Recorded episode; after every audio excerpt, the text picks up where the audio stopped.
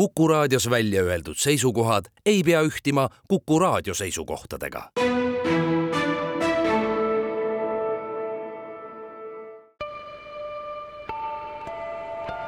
ilmaparandaja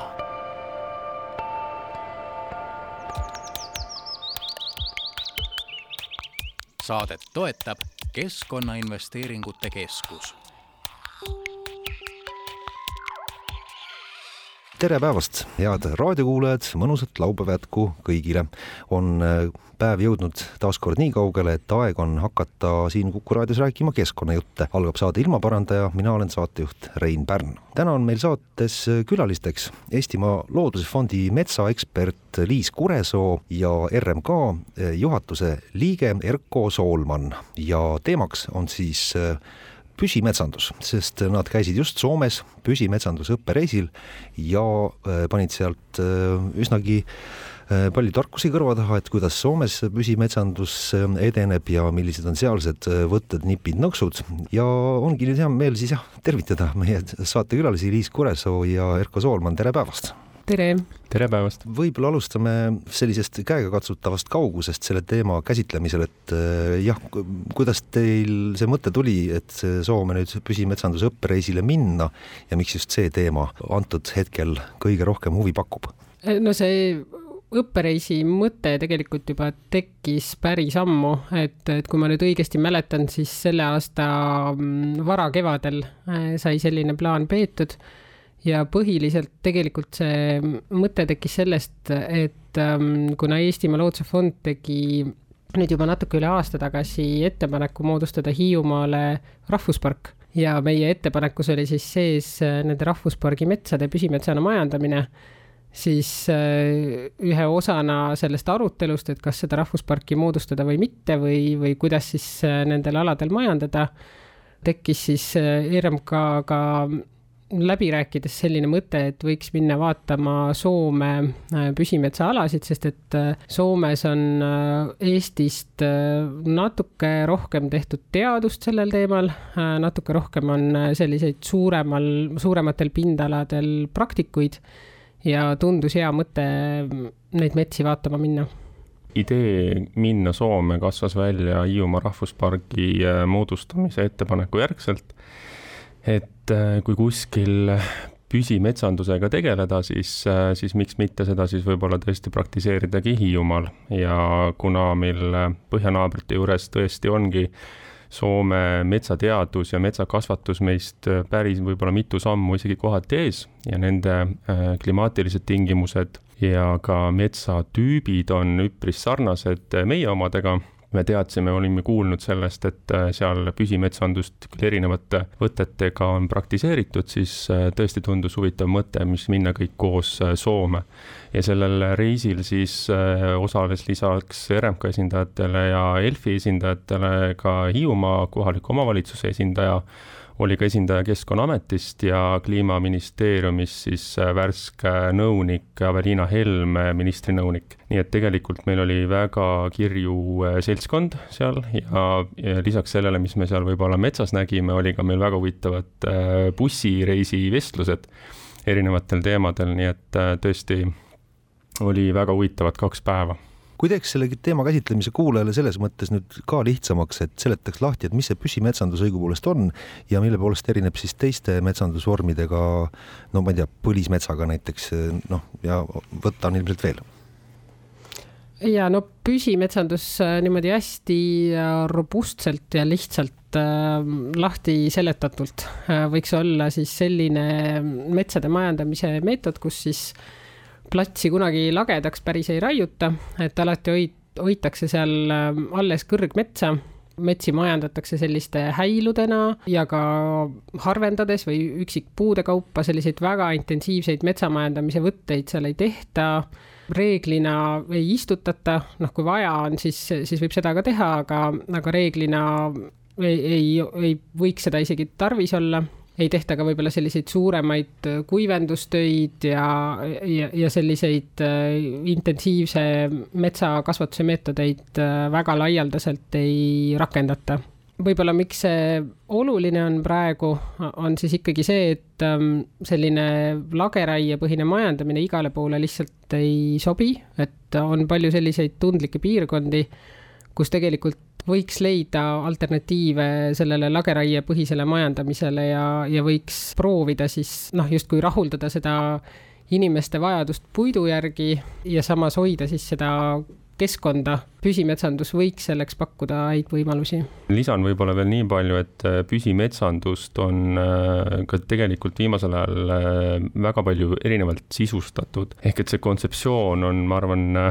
metsateaduse praktikute, erinevate huvigruppide peas mõnevõrra erinev. Et täna meil siis metsamajandamise regulatsioonid, metsaseadus, metsamajandamise eeskiri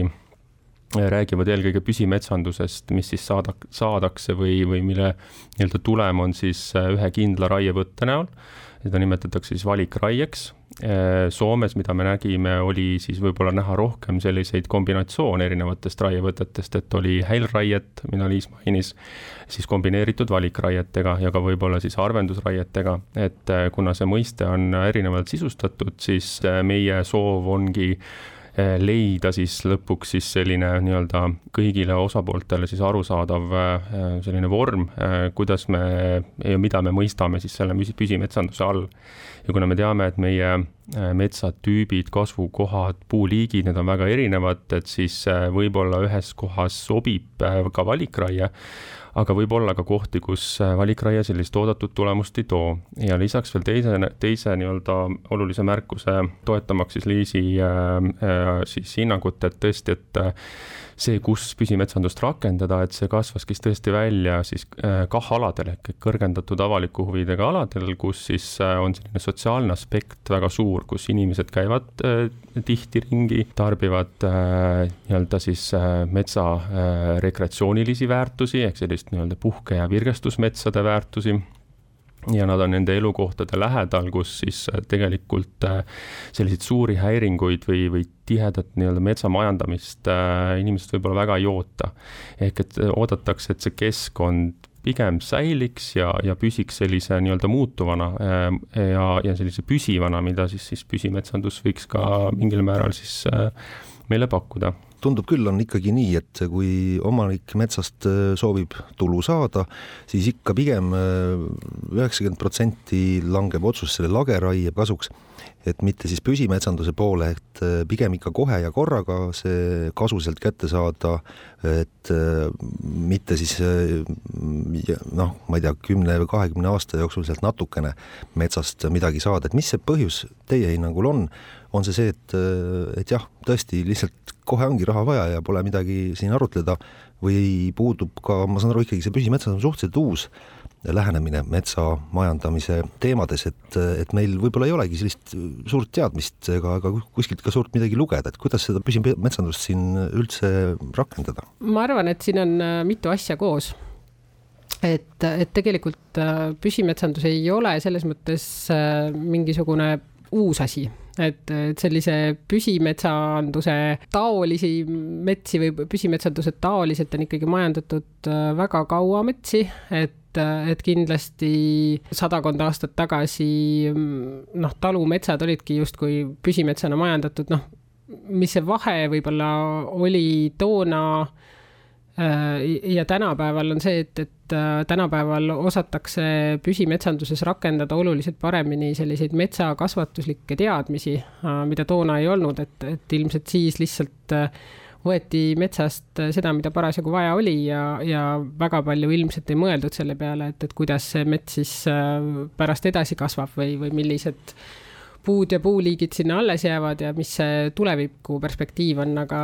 aga noh, selliselt lageraie vabalt noh, on ikkagi väga kaua metsi majandatud. ja, ja majandatakse ka siiani, et tegelikult neid selliseid väikseid püsimetsamajandajaid, kes äh, kes oma selliseid teadmisi rakendades metsi majandavad, neid Eestis on. Ja, tegelikult me oleme sellest kunagi kirjutanud isegi raamatu Äh, koos oma heade kolleegide Mihkel Rünkla ja Liina Remmiga, et äh, teejuht püsimetsandus, see on eesti keeles täitsa kirjutatud ja täitsa olemas, et et sealt äh, saab ka võib-olla üht-teist lugeda ja võib-olla tekitada see tunnetus, et mis see püsimetsandus võiks tähendada ja, ja pigem on see raamat just suunatud sellistele väikemetsaomanikele. ja, ja sellesama raamatu äh, kirjutamise juures äh, me külastasime siis äh, paljusid Eesti metsaomanikke, kes äh,, kes siis kasutasid valikraieid äh, oma metsade majandamisel või kes ka ise ütlesid, et nad on püsimetsamajandajad, et ja, ja seal tegelikult oligi huvitav, et me kohtasime ühte metsamajandajat, kes ütles meile, et tema majandab äh, sellepärast püsimetsana, et ta saab niimoodi rohkem tulu metsast. ja tegelikult see taust äh, oli siis selline, et kunagi oli Eestis käinud üks Soome metsateadlane Erki Lähte, äh, kes on aastakümneid siis Soomes püsimetsandust uurinud ja siis korraldas sellised kursused, kus ta noh, tutvustas seda püsimetsade majandamise majanduslikku kasu ja just eriti sellistele väikemetsaomanikele, et, et tegelikult seal see loogika, et, et kui saada siis seda tulu metsast pidevalt äh,, mitte korraga, vaid, vaid siis noh, üle aastakümnete saada natuke tulu võib olla kohati isegi majanduslikult mõttekam. Et, et lageraie puhul sa ju teed selle otsuse ühe korraga ära, võtad selle metsa maha ja siis sul on aastakümneid selline periood, kus sa tegelikult tulu ei saa ja pigem pead tegema kulutusi jah, Erko, kas see püsimetsandus pigem sobikski võib-olla sellisele väikemetsaomanikule või kuidas ütleme, suurte metsaalade puhul öö, otsused langevad ja, ja plussid-miinused kokku pannakse, lageraie versus siis püsimetsandus? Kui me sellist äh, lageraiemajandust või teisisõnu siis sellist rotatsioonilist äh, metsamajandust juba tunneme päris hästi ja teadus on seda väga põhjalikult ka uurinud, äh, eriti metsa kasvatuslikust aspektist, et hinnanud siis seal äh, sellist ökonoomilist äh, äh, aspekti, siis äh, meil tõesti puuduvad sellised järjepidevad uuringud püsimetsanduse osas, eriti siis sellistel suurematel, ulatuslikemal aladel. Ja, ja selle teaduse puudumine ongi olnud meie jaoks, ma arvan, üks, üks põhilisi kohti, sest me tegelikult, kui me seda soovime rakendada kuskil, siis meil on vaja esiteks äh, hinnata neid erinevate praktikate mõjusid ja nüüd millele me nüüd neid mõjusid uurime, mis on need lähtekohad, on meil äh, tarvis kõigepealt eelnevalt defineerida. et äh, Liis mainis siin sellisest majanduslikust aspektist, noh, see siis koosnebki tegelikult sellisest äh, metsa kasvu siis produktsioonist, et kui kiirelt meie metsad kasvaksid siis sellisel juhul edasi, kui me sealt nii-öelda püsimetsanduse võtteid rakendaksime, et teadupärast siis meie metsades siis puud äh, konkureerivad kõik, ka suured puud äh, suurte puude vahel ja suured puud väikeste puude vahel konkureerivad ressursside pärast. et kui nad seda ei teeks, siis iseenesest polekski meil tegelikult ju ka raieid vaja, et justkui võiks ka metsa allrindes äh, kasvada kohe ka järgmine generatsioon, ehk et tekivadki siis nii-öelda mitu erinevat korrust, kõrguse korrust siis või, või rinnet ja kogu aeg metsad uueneksid aga raietega just siis luuaksegi selliseid soodsamaid äh, kasvutingimusi, luuakse sellist ressursse juurde noorele metsale või, või siis järelkasvule. ja, ja meil äh, tõesti on siis see äh, olukord, kus meil on puud konkureerivad siis valguse, mullas olevate toitainete pärast, vee pärast ja, ja selles konkurentsis üldjuhul võidavad siis need suuremad puud ja, ja meil jah, tõesti, et kui tulla tagasi siis selle teaduse juurde, siis äh, sellist noh, meil on teadus, metsateadusega sageli on juhtunud siis see, et äh, need äh, uuringud ei ole väga püsivad olnud, et mingil hetkel ajas on nad katkenud. et meil on võib-olla siin hiljutised teadustööd, mis on võib-olla kuni viie aasta tagused, ehk kus sealt üritatakse püsivalt äh, uurida ka siis valikraiete või turberaiete mõju, aga sellist nii-öelda pikemat, äh, kestvamat äh, uuringuid või analüüse meil kahjuks ei ole. Ja see, ma arvan, et äh, ongi see koht, et kui me tahame, noh, meil metsamajandajatel või kasvatajatel on ikkagi eetika, et, et kui me raiume, siis üks koht on siis see, et me nii-öelda varume metsamaterjali, sealt võtame seda puitu kasutusele, aga teine koht on siis see, et me peame tagama ka selle, et need metsad ka jätkusuutlikult uueneksid ja täna võib-olla sellist äh, lõplikku tõde või sellist välja kujunenud praktikaid või tööriistu, mida ja kuidas kasutada, meil äh, kahjuks ei ole. Ja sellepärast me sinna Soomega suundusime, et, et saada sealt need esimesed mõtted, ideed ja kogemused kätte. Ja selle bussireisi jooksul me kõik tõdesime, et tegelikult on meil Eestis vaja samamoodi luua selliseid demonstratiivseid alasid ja, ja luua ka siis selliselt nii-öelda teaduslikku baasi siis erinevatele võtetele ja mudelitele, hinnata seda siis mitte ainult majanduslikust seisukohast, aga ka see, mis võikski olla siis püsimetsanduse üks eesmärke, on ka see sotsiaalne aspekt, see visuaalne pool. et kas me suudame ka siis nende võtetega tagada lisaks rahuldavale metsauuendusele ka selle visuaalse poole. et, et kas, kui me raiume metsa, et äh, millise nii-öelda tiheduse me jätame sinna raiejärgselt, kui me tekitame neid häilemetsa, et kas see siis endiselt on ka visuaalselt nii-öelda siis apetiitne. kas kohalikule elanikule, et, et kes selle metsa, metsa kõrval või läheduses elab ja neid erinevaid äh, metsa poolt pakutavaid väärtusi siis tarbib et, et kõiki neid asjaolusid, lähtekohti ja teadust on meil vaja kindlasti nüüd äh, lähimatel aastatel äh, intensiivistada ja sinna ka me oma ressurssi, energiat äh, proovime ka nüüd suunama hakata. ilmaparandaja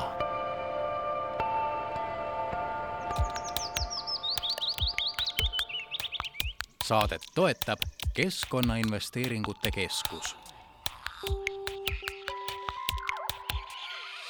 jätkame ilmaparandaja saatega, täna on meil saates külalisteks Eestimaa Looduse Fondi metsaekspert Liis Kuresoo ja RMK juhatuse liige Erko Soolman. arutleme siis püsimetsanduse teemal, sest nemad käisid Soomes püsimetsanduse õppereisil. Ja mis on Soomes püsimetsanduse arengutes teistmoodi tehtud kui, kui Eestis ja kuidas Eesti kontekstis Soome teadmisi paremini rakendada saaks sellest täna arutlemegi, mina olen saatejuht Rein Pärn. tulleski tagasi selle soomlaste näpunäidete juurde ja selle Soome õppereisi juurde, siis kuidas Soomes nüüd on selle asjaga lood, et äh, mismoodi seal see tasakaal äh, lageraie versus siis püsimetsanduse suund õigupoolest jaguneb ja neil on mingisugune oma nüüd arusaam,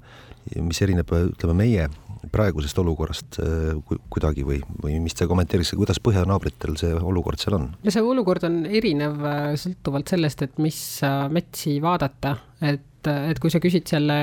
osakaalu kohta, et kui palju seal üldse siis püsimetsandusega tegeletakse, siis nii palju ma oskan kommenteerida, mm, kui meile rääkis siis metsahällitus ehk siis see Soome riigimetsi majandav ettevõte et nemad ütlesid, et neil on ikkagi riiklik ootus, et äh, kõikidest oma uuendusraietest äh, siis kakskümmend viis protsenti nad peaksid tegema valikraietena või, või peaksid siis majandama püsimetsana. et see oli siis äh, nendepoolne see selline kokkuvõte, et või, või, või ka selline võib-olla sõnum, et, et mis nad ütlesid, et, et see on see põhjus, miks nad seda teevad nii suures ulatuses, et lihtsalt riik ise ootab neid seda aga mis oli hästi huvitav seal oli, oli ikkagi see kogemus, mis äh, soomlastel on tekkinud äh, turvas muldade metsade püsimetsana majandamisel. et äh, kuna Soome tegelikult on päris hädas äh,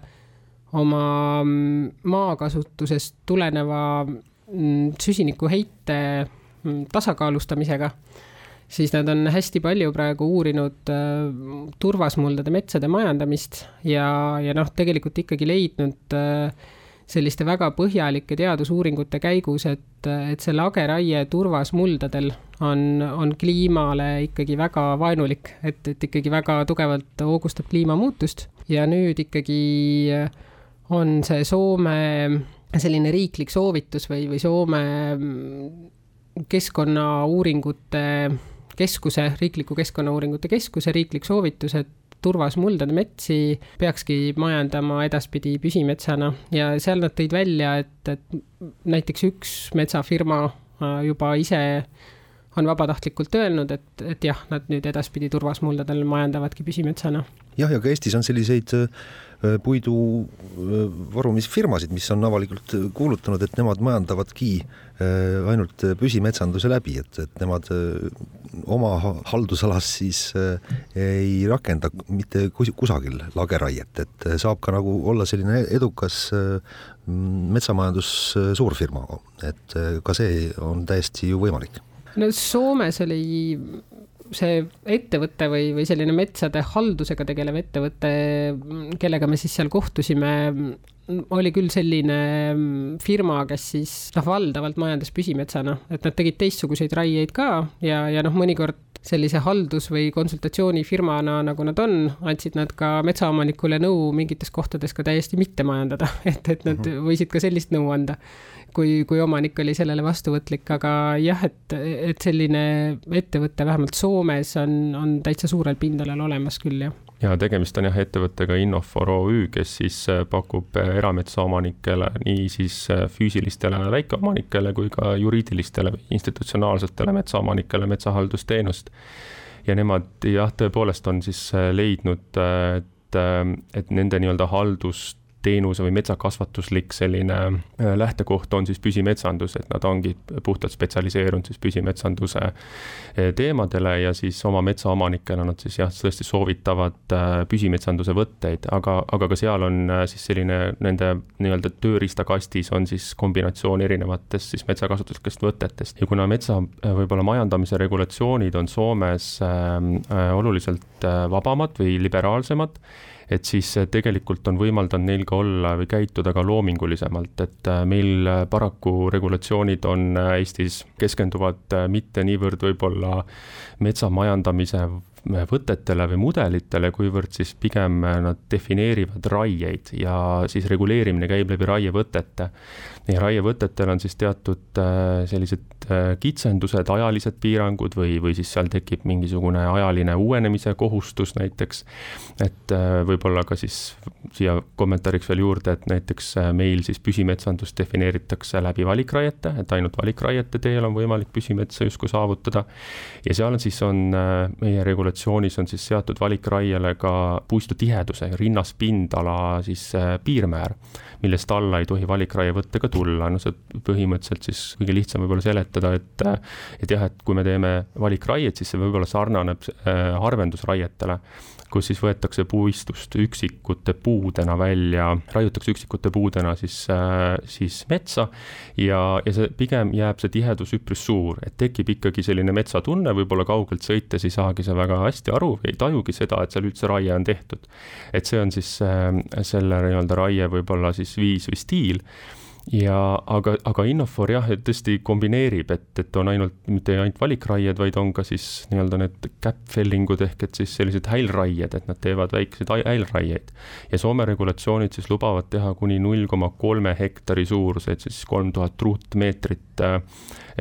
suuruseid häile äh, häilud on siis sellised metsaosasse siis tekitatavad, ühel alal tekivad siis sellised lagedamad kohad. et kui siis võib-olla veel lisada sellist konteksti siia juurde, siis see null koma kolm hektarit tähendab ringikujulise häiluna, mis metsast nii-öelda ära raiutakse, kuskil kuuskümmend kaks meetrit on siis selle häilu diameeter. et äh, see on siis noh, selline, võime siis igaüks nüüd kujutada ette, et siis kuuskümmend kaks meetrit on siis selline häilu dia-, diameeter ja neid võib siis teha kuskil kakskümmend kuni kakskümmend viis protsenti siis kogu selle nii-öelda metsaosa, ühetaolise metsaosa pindalast ja siis sinna häilu sisse oodatakse looduslikku uuendust, loodetavasti ta tekib looduslikult. kui see on sinna tekkinud, ta on kasvama saanud, siis võib sinna järgmised võtted teha, kas siis laiendada seda häilu eh, diameetrit, võtta kõrvalt olevaid puid ära ja et siis nende asemele võiks jälle omakorda tekkida siis looduslik uuendus, nii et mets uueneb järk-järguliselt. Ja, ja looduslikul teel, nagu Liis mainis juba. Jah, aga kuidas sellega nüüd siis on, et see küsimus jäi, kõlas nagu korra küll, aga vist jäi vastuseta, et kas siis on võimalik noh, selliste harvendusraiete läbi või valikuliste raiete läbi teenida oma metsast sama palju tulu, küll jah, pikema aja jooksul, kui, kui jah, koheselt äh, lageraie puhul saaks no Eesti kohta me ei saa seda öelda, sest et Eesti kohta meil need uuringud puuduvad, et, et sellest Erko ka pikalt rääkis, noh, millega ma olen väga nõus, et meil ei ole selliseid äh, püsivaid katsealasid ja me tegelikult ei ole saanud Eestis põhjalikult äh, püsimetsandust uurida. mis aga ütleb ähm, selline välismaine teaduskirjandus äh, ja ka Soome teaduskirjandus, siis tegelikult väidetavalt ikkagi äh, püsimetsandus on kasumlikum valdavalt äh, kui, kui see rotatsiooniline või, või lageraie majandus, eks ju. et on teatud äh, kasvukohatüübid, kus äh, kus on püsimetsandus ja lageraiemajandus võrdsed ähm, kasumlikkuselt, aga, aga valdavalt on ikkagi püsimetsandus äh, majanduslikult kasumlikum. milline ta Eestis on või milline ta meie tingimustes on, seda me ei, ei ole uurinud ja ja ei saa niimoodi käsi piiblil öelda, et, et kuidas, kas üks või teine aga noh, tegelikult see fakt on ikkagi see, et, et mõlemad metsamajandamisviisid, nii lageraie kui püsimetsandus võimaldavad tulu saada metsast äh,. lihtsalt see on erinev, kuidas see tulu siis sealt kätte saadakse, kuidas see mets uueneb ja nii edasi. aga seda probleemi Eestis, ma ei tea, vahepeal oli küll see jutt, et, et kui sa isegi tahad äh, omal seda püsimetsandust siin hakata korraldama, viljelema, et siis ega polegi eriti kellegiga seda asja siin ajada, et peadki ise mootorsaag näpus mööda metsa ringi käima ja sealt äh, nagu välja tassima tassima, et nagu keeruline on leida selliseid äh, tegijaid, kes, kes tooksid selle materjali niimoodi metsast välja. ja sellega ma olen väga nõus, et, et nii ongi äh,, nagu sa kirjeldad, et, et kuna seda püsimetsandust sellisel suuremal skaalal Eestis ei ole olnud, siis ka tegelikult puuduvad turul noh, sellised tugevad tegijad, kes, kes oskaks seda metsaomanikule pakkuda aga samas jällegi metsaomanikega rääkides, noh, on selgunud, et kui metsaomanikud seda ikkagi ise väga tugevalt nõuavad ja ise on ikkagi väga kindlad, et, et nad tahavad niimoodi majandada, siis neile tullakse vastu. Ja noh, eks see kogemus ja teadmised peavadki aja jooksul tekkima, et ma arvan, et see ongi võib-olla see koht, kus äh, metsaomanikud saavad endale kindlaks jääda ja, ja püüda siis ikkagi auk pähe rääkida metsade majandajatele, et, et nad soovid, soovivadki teistsugust lähenemist. Ja küll ta siis, küll siis see teenusepakkujate turg siis ka järgi tuleb, kui, kui tekib see piisav nõudlus ja see piisav enesekindlus võib-olla metsaomanikel, et, et seda küsida ja tahta ja et Soome ettevõte Innofor ju tegelikult on ju näidanud äh, Soome, Soome näitel seda, et äh, turul oli selleks koht olemas. Nad äh,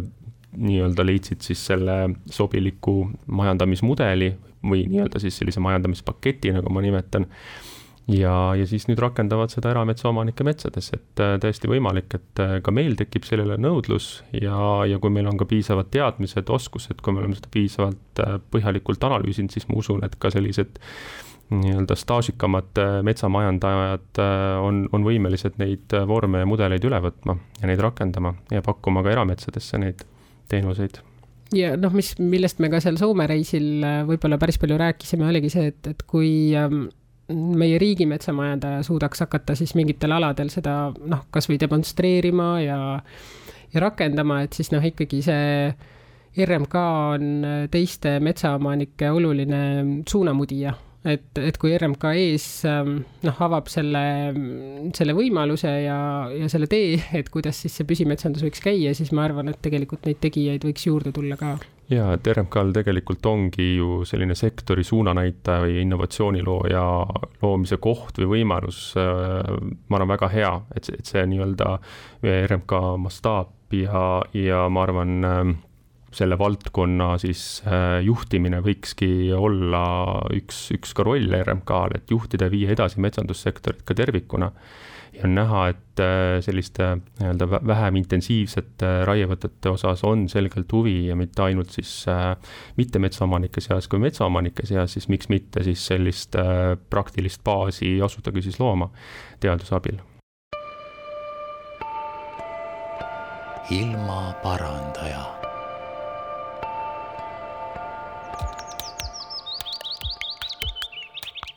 saadet toetab Keskkonnainvesteeringute Keskus. jätkame ilmaparandaja saatega. teemaks on meil täna püsimetsandus ja stuudios on Eestimaa Looduse Fondi metsaekspert Liis Kuresoo, RMK juhatuse liige Erko Soolman ja mina olen Rein Pärn püsimetsanduse versus siis lageraie teemal on äh, arutelu või siis äh, võiks öelda isegi selliseid vaidlusi päris palju, kas või selle osas, et äh, ega ju lageraie nüüd ka üdini halb ei ole, selles mõttes, et äh, öeldakse, et lageraie toimub vaid ühe korra ja pärast seda saavad kõik puud nagu ühtlaselt äh, valgust, ühtlased kasvutingimused ja ja võrdselt nagu jõuliseks kasvada, aga püsimetsanduse puhul noh, käiakse pidevalt seal metsas segamas, langetamas, siis vanad puud kasvavad ikkagi kõrgeks ja nooremad ei saa nagu peale kasvada ja see tekitab äh, olukorra, kus uued on sellised kidurad või väetikesed, kuna valgust on vähe ja nagu haigustele rohkem vastuvõtlikumad on need püsimetsanduse puud, et kuidas, kas Soomes sai teile mõned mõned vastused selles küsimustikus võib-olla juurde? ma ei tea, kas, kas need ähm, Soomes need vastused said, aga aga mulle tundub, et, et selle lageraie versus püsimetsandus debatis nagu tuleb seda kuidagi hoolega kuklas hoida seda teadmist, et kui me räägime lageraiest, siis ta on ikkagi väga valdav metsade majandamise meetod, et, et seda me teeme ikkagi majandusmetsas igal pool, teeme ka kaitsealadel päris palju. lihtsalt, mis see probleem on, on see, et temast on saanud lihtsalt nii valdav äh, teguviis ja, ja noh, loomulikult on, on tal oma keskkonnamõjud ja neid keskkonnamõjusid saaks leevendada siis teistsuguste raievõtetega, et noh, see on üks asi, mis on hästi selgelt välja tulnud ka näiteks uue perioodi metsanduse arengukava koostamise protsessis, kus, äh, kus siis tehti hästi põhjalik alusuuring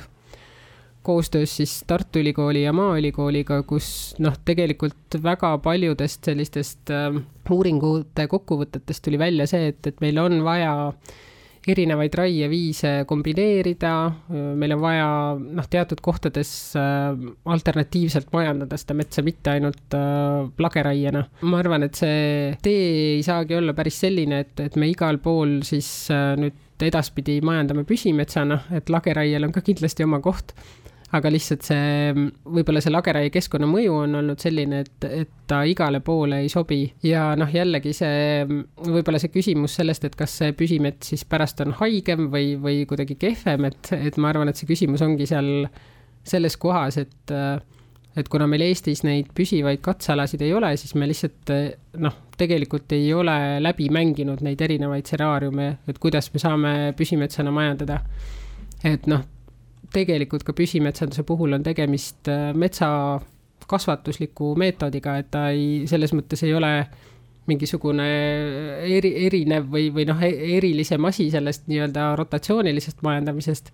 aga seal peab ka lihtsalt siis väga hästi teadma, et, et milliseid metsakasutuslikke võtteid ühes või teises metsas rakendada ja et see võib-olla on selline maakasutuslik küsimus ka kohati, ehk et äh, kui me räägime majandusmetsadest, me räägime kaitsealustest metsadest, me räägime võib-olla kõrgendatud avaliku huviga metsadest, et siis ilmselt äh, iga ala täidab mõneti sellist strateegiliselt erinevat eesmärki ja sinna sobiksidki võib-olla meile sellised mitmekesisemad võtted, ehk me peaksime välja töötama lisaks siis sellisele rotatsioonilisele metsamajandamisele, mida me teame ja tunneme päris hästi juba, ka selliseid alternatiivsemaid võtteid mis aitaksid äh, siis ühte või teist väärtust, mida siis see maakasutuslik äh, nii-öelda siis strateegia mingil konkreetsel alal eeldab või ootab, äh, mis aitaks siis seda väärtust suurendada omakorda. et kui me räägime sellisest keskkonnamõjudest, siis noh, see ongi üks väärtus, ongi nii-öelda siis ökoloogiline väärtus, noh, võib-olla kõige lihtsam on siis seletada seda bioloogilise mitmekesisusena, mis, mis on üks oluline väärtus, mida meil mets pakub ja hinnatagi seda, selle nii-öelda selle rajatava programmi ja, ja näidis- või testalade osas ka siis äh, mõju sellele väärtusele. et millist väärtust omab äh, püsimetsandus ja nende erinevad äh, majandamispraktikad siis mõju sellisele väärtusele. sest mets ei ole ainult puiduline väärtus, ta ei ole ainult majanduslik väärtus, et seal on lisaks siis ökoloogilisele, ökonoomilisele väärtusele on tegelikult ka veel siis sotsiaalne väärtus näiteks, et et, et metsas on mitmeid-mitmeid väärtusi ja me peame lihtsalt selle maakasutusliku strateegia järgi hindama, et millist väärtust üks või teine siis ala mm, võiks, äh, võiks siis meile nii-öelda pakkuda, millist väärtust me peaksime siis hoidma, äh, kas kõige enam või kus siis on see nii-öelda optimum, et äh, et mõnel juhul siis näiteks rangekaitsega metsades me metsamajanduslikku tulu ei ootagi. ehk et seal on jäetud metsamajanduslikud võtted tegemata või seal neid võtteid ei tehta ja, ja see on siis äh, aitab siis sellist puutumatust äh, nendel aladel suurendada, et mis teatud elustikurühmadele on äh, väga olulised. ja, ja majandusmetsades on jällegi keeratud nii-öelda peale see puiduline või majanduslik väärtus, ehk et äh, selle, seetõttu on siis see rotatsiooniline osa seal suurem, mis ei tähenda seda, et seal elustikku ei tekiks, et metsamajandus, metsa, majandusmetsades tegelikult on, on ka see väärtus kindlasti esindatud, aga teda mõnevõrra siis võib-olla teise osakaaluga, kui ta on nii-öelda rangelt kaitstavates metsades jah, see sotsiaalne väärtus ja võib-olla ka emotsionaalne väärtus juurde tuua, et no ma ei tea, mina ennast küll metsaomanikuks enam ei nimetaks, kui, kui ma korraldaks oma metsas lageraie. isegi kui istutaks sinna uued noored puud asemele, siis selle nimi on ikkagi puupõld, mitte enam kohe mets ja lähimad paarkümmend aastat enam mitte, et kui palju huvitav Soomes inimesed või metsaomanikud sellise asja peale mõtlevad, et tahaks ikkagi olla selline metsa, päris metsaomanik, mitte siis lihtsalt metsast tulusaaja? no metsaomanike kohta ma ei oska seda öelda, sest et ma ei ole nii palju Soome metsaomanike kohta lugenud, et, et ma oskaks üldistada. aga siin kuskil aastal kaks tuhat kümme ehk või, või natuke hiljem äh, ikkagi tehti üks doktoritöö, kus küsiti Soome inimeste käest, et äh, kui vastuvõetav on neile metsamajandamismeetodina lageraie. Ja siis äh, seitsekümmend protsenti Soome elanikkonnast noh, justkui väljendas, et, et tegelikult ei ole neile see vastuvõetav et, et inimestele kindlasti see lageraie ei sobi või, või selliste inimestele oluliste ja palju selliste külastatavatesse metsadesse lageraiega minna, noh, kindlasti see ärritab neid inimesi, kes seda metsa puhkeeesmärgil kasutavad. ja noh, mingis mõttes see on ju täiesti loogiline, et, et tegelikult oma eluajal nad samasugust metsa noh, sisuliselt ei näe, et, et see noh, metsa kasv on lihtsalt nii aeglane meie kliimatingimustes või meie laiuskraadil, et, et lihtsalt äh, kui see üks vana mets maha raiutakse, et siis, äh, siis nii ongi, et, et võib-olla lapselapsed alles näevad seda suurt metsa seal. et kindlasti inimestel ei, ei ole sellist sooja tunnet äh, lageraietega Soomes ja, ja noh, Eestis ma arvan, et see on sama, et me küsisime siin aasta alguses Eesti inimeste käest, et kas äh, nad näeksid riigi metsade majandamist püsimetsana või küsisimegi, et kas, kas nad sooviksid, et riigimetsi majandataks püsimetsana. ja sellega tegelikult nõustus ka üle seitsmekümne protsendi Eesti inimestest, et, et tegelikult nagu ühiskond seda väga ootab, et, et metsi majandataks teisiti. ja noh, ma arvan, et see ongi seesama indikatsioon äh, metsade, metsamajandajatele ka, et, et tegelikult need metsad, kus äh, käib palju inimesi, kus käiakse marjul seenel, kus käiakse võib-olla sporti tegemas, et, et need ongi need tundlikud kohad, kus tulebki leida alternatiive lageraie majandamisele. ilmselt Eestis on sama see tasakaal, et äh, noh, seitsekümmend ligi ei pea seda lageraiet heaks, aga siiski valdav osa metsaomanikest lageraiet ette võtab, et äh, siis äh, eks siin ongi juba läbi käinud, et, et meil jah, võib-olla ei ole sellist kindlust, äh, sest teadmisi on, on vähe, kas või kuidas seda püsimetsa täpsemalt siis majandada ja, ja kasvatada. et, et siin on nagu arenguruumi on küll, et, et just ma loodan siis, et, et RMK, nagu siin juba läbi on käinud, püüab olla selline äh, suunamudija selles suunas ja nii palju, kui neid vastuseta küsimusi hetkel on, et neile siis äh, vastused leida ja, ja avalikkusega jagada. Ja kindlasti, et, et, et juba alustades siis sellest äh, Soome reisist ja, ja nendest äh, osapooltest, kes, kes sellel reisil osalesid, et oli näha, et see tugev huvi on olemas, et me oleme täna kontakteerunud siis Maaülikooli, Tartu Ülikooliga sellel teemal teada saada natukene rohkem, et kuivõrd meil tegelikult siis seda valdkonda on uuritud. oleme kokku kogunud päris palju ja mitmeid äh, selliseid Eestis tehtavaid äh, teadustöid, mida, nagu ma eelnevalt mainisin, on, on võrdlemisi lühiajalised olnud ja me oleme kavandamas siis äh, sellist äh, suuremat teaduslikku äh, sellist kompleksuuringute paketti, et mis ei täida ainult siis sellest teaduslikku eesmärki, vaid tegelikult on ka need nii-öelda need näidis- või demonstratiivsed alad. et ka meie RMK-s tahaks tegelikult ju teada, et et millised võtted töötavad, millised mitte, millistes kasvukohtades, muldades, milliste puuliikide puhul mingid võtted töötavad, millised mitte, kuidas nad aitavad siis seda lähtekohta ehk et, et kuidas me seadistame neid väärtusi ühel või teisel maakasutuslikul eesmärgil ja, ja millised võtted aitavad siis meid jõuda nagu sinna, sinna eesmärgini. Et ja, ja see info saab olema kindlasti avalik, et, et kui me noh, ma loodan, et me jõuame sinna, sinna selle projekti kavandamise faasist nüüd selle aasta sees edasi, ehk et tegelikult siis ilmselt järgmisel aastal me võiks juba näha, et et äh, kuhu, millistesse kasvukohtadesse, milliseid võtteid, mudeleid, praktikaid äh, me siis kasutama hakkame, et selle nii-öelda raami või disaini annab meile ette teadus ja, ja meie ülesandeks jääb siis äh, valida välja need metsaalad, valida välja need võtted, millised me rakendame, pidades nende majandamise osas teatavat sellist arvestust kindlasti ja neid ka välja kommunikeerida piisavalt hästi, et, et et äh, sellistel võtetel seal olid sellised tulemused, seal olid teised tulemused. me oleme rääkinud pigem ikkagi seda mõõdupuud äh, kasutades, et äh, kui palju majanduslikku kasu saab erinevate siis kasvatus või, või jah, langetusmeetodite puhul just puidumaterjali teemas, aga metsast saab ju kasu Äh, mitmel muul moel ka, et äh, mitte ainult siis puid langetades ja, ja mis aja jooksul jagades sellega, vaid äh, mis on Soomes võib-olla sellised, kuidas öelda, ma ei tea, kas trendid või, või mida seal juba kasutatakse, et kuidas saada muud, muul moel püsimetsast näiteks äh, siis tulu, mida näiteks lageraie puhul ei saaks? no ma arvan, et see tegelikult üks äh, teema, mis äh, tuleb järjest tere-, teravamalt esile, on ikkagi süsinik. ja noh, turvasmuldadel on, on seda juba väga edukalt näidatud, et lageraietest loobumine ja, ja teistmoodi majandamine aitab süsiniku emissiooni kõvasti vähendada, aitab seda süsinikku turbas hoida et ma arvan, et see saab olema ka mineraalmuldadel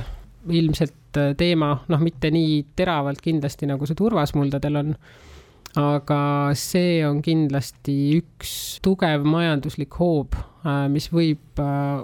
hakata püsimetsanduse laiemale levikule appi tulema ja Soomes see ju turvasmuldadel juba nii on ka. ja tõesti, et süsinik ilmselt äh,, süsiniku nagu kauplemine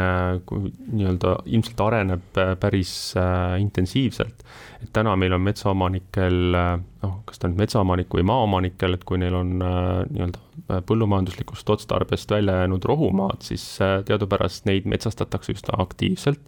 Eestis on kuskil seitsekümmend viis tuhat hektarit sellist kasutuseta rohumaad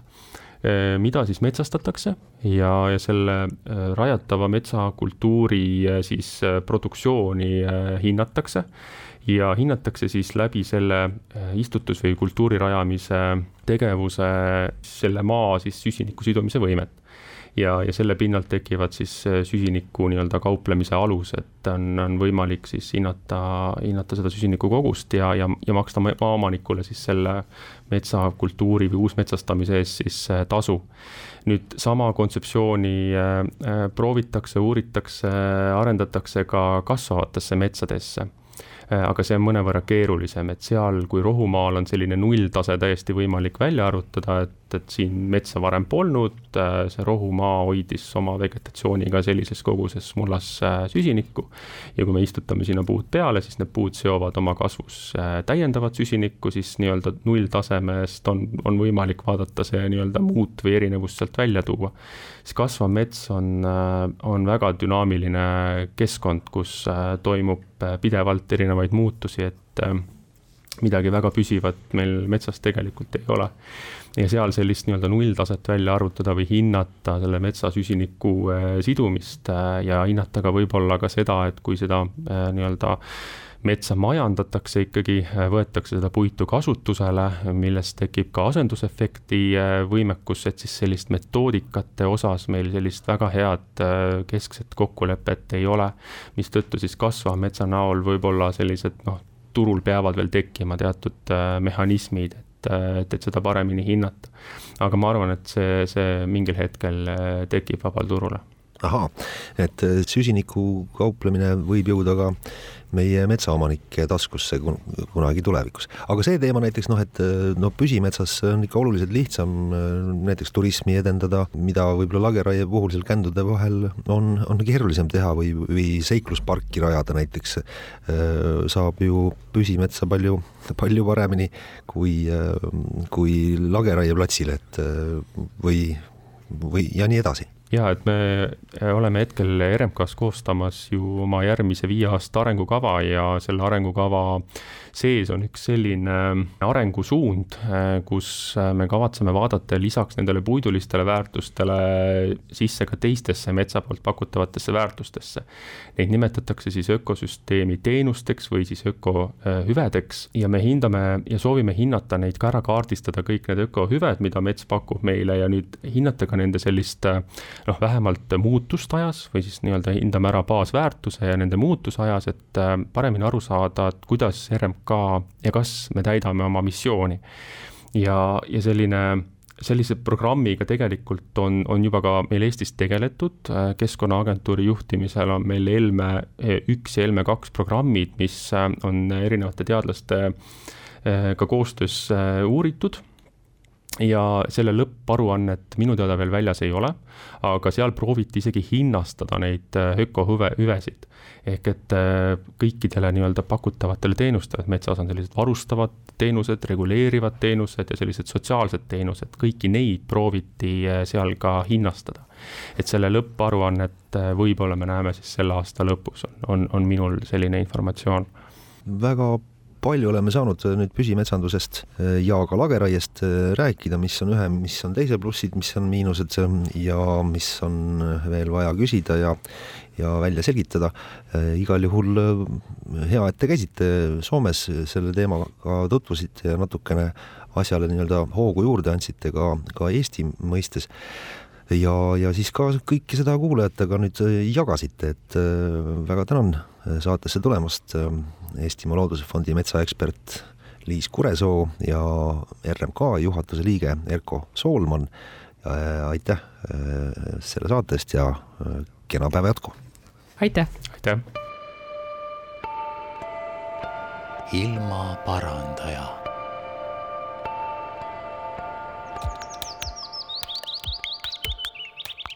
saadet toetab Keskkonnainvesteeringute Keskus